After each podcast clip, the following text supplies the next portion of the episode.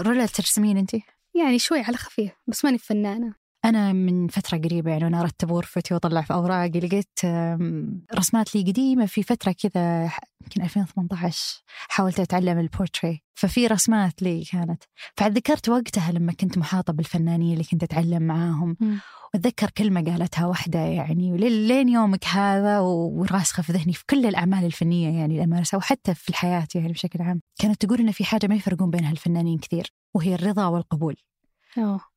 فالرضا قد يكون صعب مرة لأنك أنت كفنانة عينك مدربة أنها تشوف تفاصيل التفاصيل فأنت تنظرين إلى أعمالك وتشوفين كل الأخطاء اللي فيها فصعب يمكنك ترضين عنها. وإنما القبول أسهل. القبول أنت تشوفينها وتشوفين كل الأخطاء اللي فيها وتقولين قابلة فيها إيه مم. أنا أقبل فيها وترفعين العمل وتبيعينه وتمشين في حياتك وتسوين واحد ثاني. صح صح. وأحس في كل شيء ترى يعني مو بس على الفنانين في كل شيء تسوين أنت تناظرين نفسك بعدسة مكبرة تشوف أدق الأشياء. بالضبط صادقة. فيعني أتذكر أنها كانت مدرسة أنه م- مو بلازم أبحث عن الرضا في الأشياء وإنما القبول حتى في العلاقات ولا في الأشياء. أنت تتقبلين الأشياء كما هي. بس عاد والله ذكرتها من مدرسة الفنانين هذه اللي للحين وأنا ونعم المدرسة.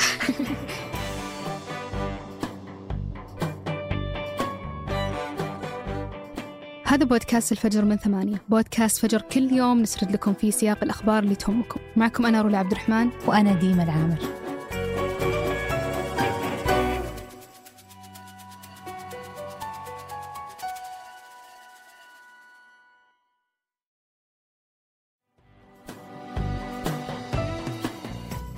قبل أكثر من عشر سنوات وتحديدا في 2011 أعلنت أثيوبيا بناء مشروع سد النهضة على النيل الأزرق جنب حدود السودان. وهو مشروع ضخم تكلفته 4 مليار دولار وتموله الحكومة الأثيوبية بالكامل. وإعلان المشروع تسبب بتوترات إقليمية مع السودان ومصر. وهم الدولتين اللي تعتمد على 90% من مياه النهر عشان تسد احتياجاتها من الري الزراعي والشرب. وبدأت أثيوبيا المرحلة الأولى من تعبئة السد في 2020 وصارت تنتج الكهرباء منه في فبراير 2022 وفي هالأسبوع أعلن رئيس الوزراء الأثيوبي آبي أحمد أن أثيوبيا انتهت من المرحلة الرابعة والأخيرة من تعبئة السد وذكر أن عملية تعبئة السد انتهت رغم الضغوط الخارجية من مصر والسودان. وأثيوبيا تسعى من هالمشروع أنها تسد حاجاتها من المياه وهدفها برضو تولد الطاقة الكهربائية منه خلال السنوات الجاية. واختارت أثيوبيا منطقة بيني شانغول على الحدود السودانية كموقع لتنفيذ المشروع وهي منطقة تبعد 900 كيلومتر من العاصمة الأثيوبية أديس أبابا. وارصدت الحكومة الأثيوبية مساحة واسعة من الأراضي للمشروع تمتد ل 1800 كيلو مربع ويتجاوز طول السد 1800 متر وارتفاعه 145 متر. أما سعته القصوى فتوصل ل 74 مليار متر مكعب من الموية. وهذا اللي يخليه أكبر سد للطاقة الكهرومائية في أفريقيا. وعشان ينتجون الطاقة الكهربائية من السد ركبت أثيوبيا 13 توربن ويتوقع أن تتجاوز طاقتهم الإنتاجية 6000 ميجا واط وهذا يعادل ثلاث أضعاف الطاقة الكهربائية المولدة من المحطة الكهرومائية لسد أسوان في مصر. أما السعة التخزينية للسد فهي تساوي تقريبا حصة مصر والسودان السنوية من مياه النيل. وعموما قدرت أثيوبيا أنها تنهي تنفيذ المشروع في وقت قياسي بسبب حجم اليد العاملة اللي شاركت في تنفيذه واللي تجاوز عددهم أكثر من 8500 شخص. بوتيرة عمل توصل 24 ساعة يوميا. وتروج أثيوبيا فوائد عن السد وتقول أنه راح يكون له إيجابيات على السودان ومصر باعتبار أن السد ممكن يقلل من الفيضانات اللي يشهدها السودان. برضو راح يقلل من تخزين الطمي في النيل الأزرق. وهو الشيء اللي راح ينعكس بشكل إيجابي على الحدود السودانية وعلى السد العالي في مصر. لكن مصر تشوف أن مشروع السد راح يقلل من كميات المياه اللي تحتاجها وأنه راح يسبب نقص مخزون المياه خصوصا في السد العالي. وتتهم مصر أثيوبيا بأنها تنتهك اتفاق موقع معها ومع السودان في 2015 وهو اتفاق ينص على ضرورة التوافق على شروط تعبئة وتشغيل السد. وتقول مصر أنها ممكن تفقد أكثر من مليون وظيفة وبرضو 1.1 مليار دولار من إنتاج الاقتصادي سنويا في حال تم تقليل تدفق المياه في ظروف الجفاف. وعموما تعتبر مصر السد بمثابة تهديد وجودي لإمداداتها المائية. أما السودان فعبرت خلال السنوات الماضية عن مخاوفها من مشروع السد ووصفته بأنه خطر حقيقي على مصالح الأمن المائي والقومي في البلد وأكدت أنها راح تكون المتضرر الأكبر في حال تعرض سد النهضة لأي مخاطر. وتتهم السودان أثيوبيا بقلة توفير البيانات عن السد ومستويات التحمل والأمان فيه. وعشان كذا طالبت مصر والسودان بضم أمريكا والاتحاد الأوروبي والأمم المتحدة في مفاوضات الاتحاد الأفريقي حول السد. وهو الشيء اللي رفضته أثيوبيا في أكثر من مناسبة وفي المقابل تتهم إثيوبيا مصر والسودان بمحاولة فرض شروطها في مسألة تعبئة السد وتشغيله، وتقول إن المشروع هو حق تاريخي لها باعتبارها بلد المنبع، وإنها أخذت في الاعتبار مصالح مصر والسودان وقدمت تنازلات لمراعاة مصالح الدولتين، من ضمنها إطالة فترة ملء السد بحيث تمتد من أربع سنوات إلى سبع سنوات. واليوم تصر إثيوبيا على حقها في المشروع وتقول إنه راح يساعدها في تنفيذ التنمية المستقبلية وبرضه في توفير حاجاتها من الطاقة لسكانها اللي يتجاوز عددهم 110 ملايين نسمة.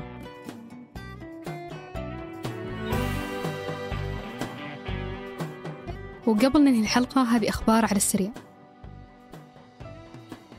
السعودية أعلنت الهيئة العامة للنقل عن غرامة 4000 ريال على الشركات اللي عندها تطبيقات توصيل ذكية الحق للسائق في أنه يطلع على موقع الانطلاق والوصول للوجهة قبل ما يقبل الطلب أو حتى يرفضه. وألزمت الهيئة في لائحتها الجديدة اللي تنظم نشاط الأجرة الارتباط بنظام شموس الأمني في التنقل بين المدن أو خارج السعودية. وتتيح اللائحة الجديدة للسائقين عن إمكانية نقل الترخيص من مدينة للثانية بعد ما يأخذون موافقة من الهيئة. ما عدا السيارات المسجلة للمرخص وهذه عاد تتطلب أنها تصير جديدة وما قد سجلت من قبل داخل المملكة أو حتى خارجها. وفي حال عدم تزويد النظام التقني المعتمد بالبيانات المطلوبة من السائقين أو عدم الاستمرار بالارتباط في الأنظمة الإلكترونية اللي تحددها الهيئة راح يصدر عليهم عقوبات وغرامات توصل 5000 ريال. وتهدف اللائحة الجديدة تقليل ظاهرة إلغاء الرحلة من السائق بعد قبولها لعدم معرفته بموقع الوصول. وطبعا بتحسن من تجربة المستفيد واللي شغالين في القطاع نفسه. وفي الصين قررت السلطات أنها تحظر استخدام المسؤولين لأجهزة الآيفون أو أي جوالات مصدرها شركات أجنبية في أماكن العمل. ويعتبر القرار هذا أحدث خطوة اتخذتها الصين عشان تقلل من الاعتماد على التكنولوجيا الأجنبية وتعزز من الأمن السيبراني للدولة. وصنف الخبراء الخطوة هذه بأن لها تأثير مخيف للعلامات التجارية الأجنبية في الصين. بما في ذلك أبل. وتشير التقارير إلى أن الصين منعت من سنوات المسؤولين الحكوميين في بعض الوكالات من استخدام أجهزة الآيفون في العمل. لكن القرار الحالي صار أكثر توسعية وبقواعد بعد صارمة أكثر. وتعتبر هذه الخطوة رد لخطوة أمريكية سابقة ضد شركة هواوي وضد تطبيقات تيك توك اللي كلها مملوكة للصين.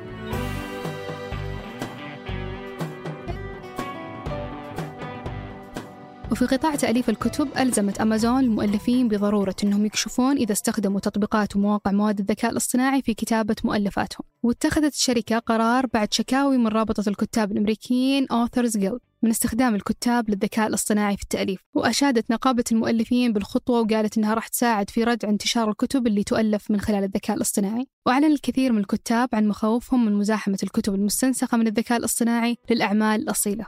وبهذا القرار تقدر تميز أمازون بين المحتوى المدعوم بالذكاء الاصطناعي عن المحتوى الأصيل. لكن يبقى أن تأثير الخطوة ممكن يكون محدود كون إن أمازون ما راح تكشف علنا عن الكتب اللي أصلها تطبيقات أو مواقع الذكاء الاصطناعي وهي سياسة ممكن تراجعها الشركة في المستقبل.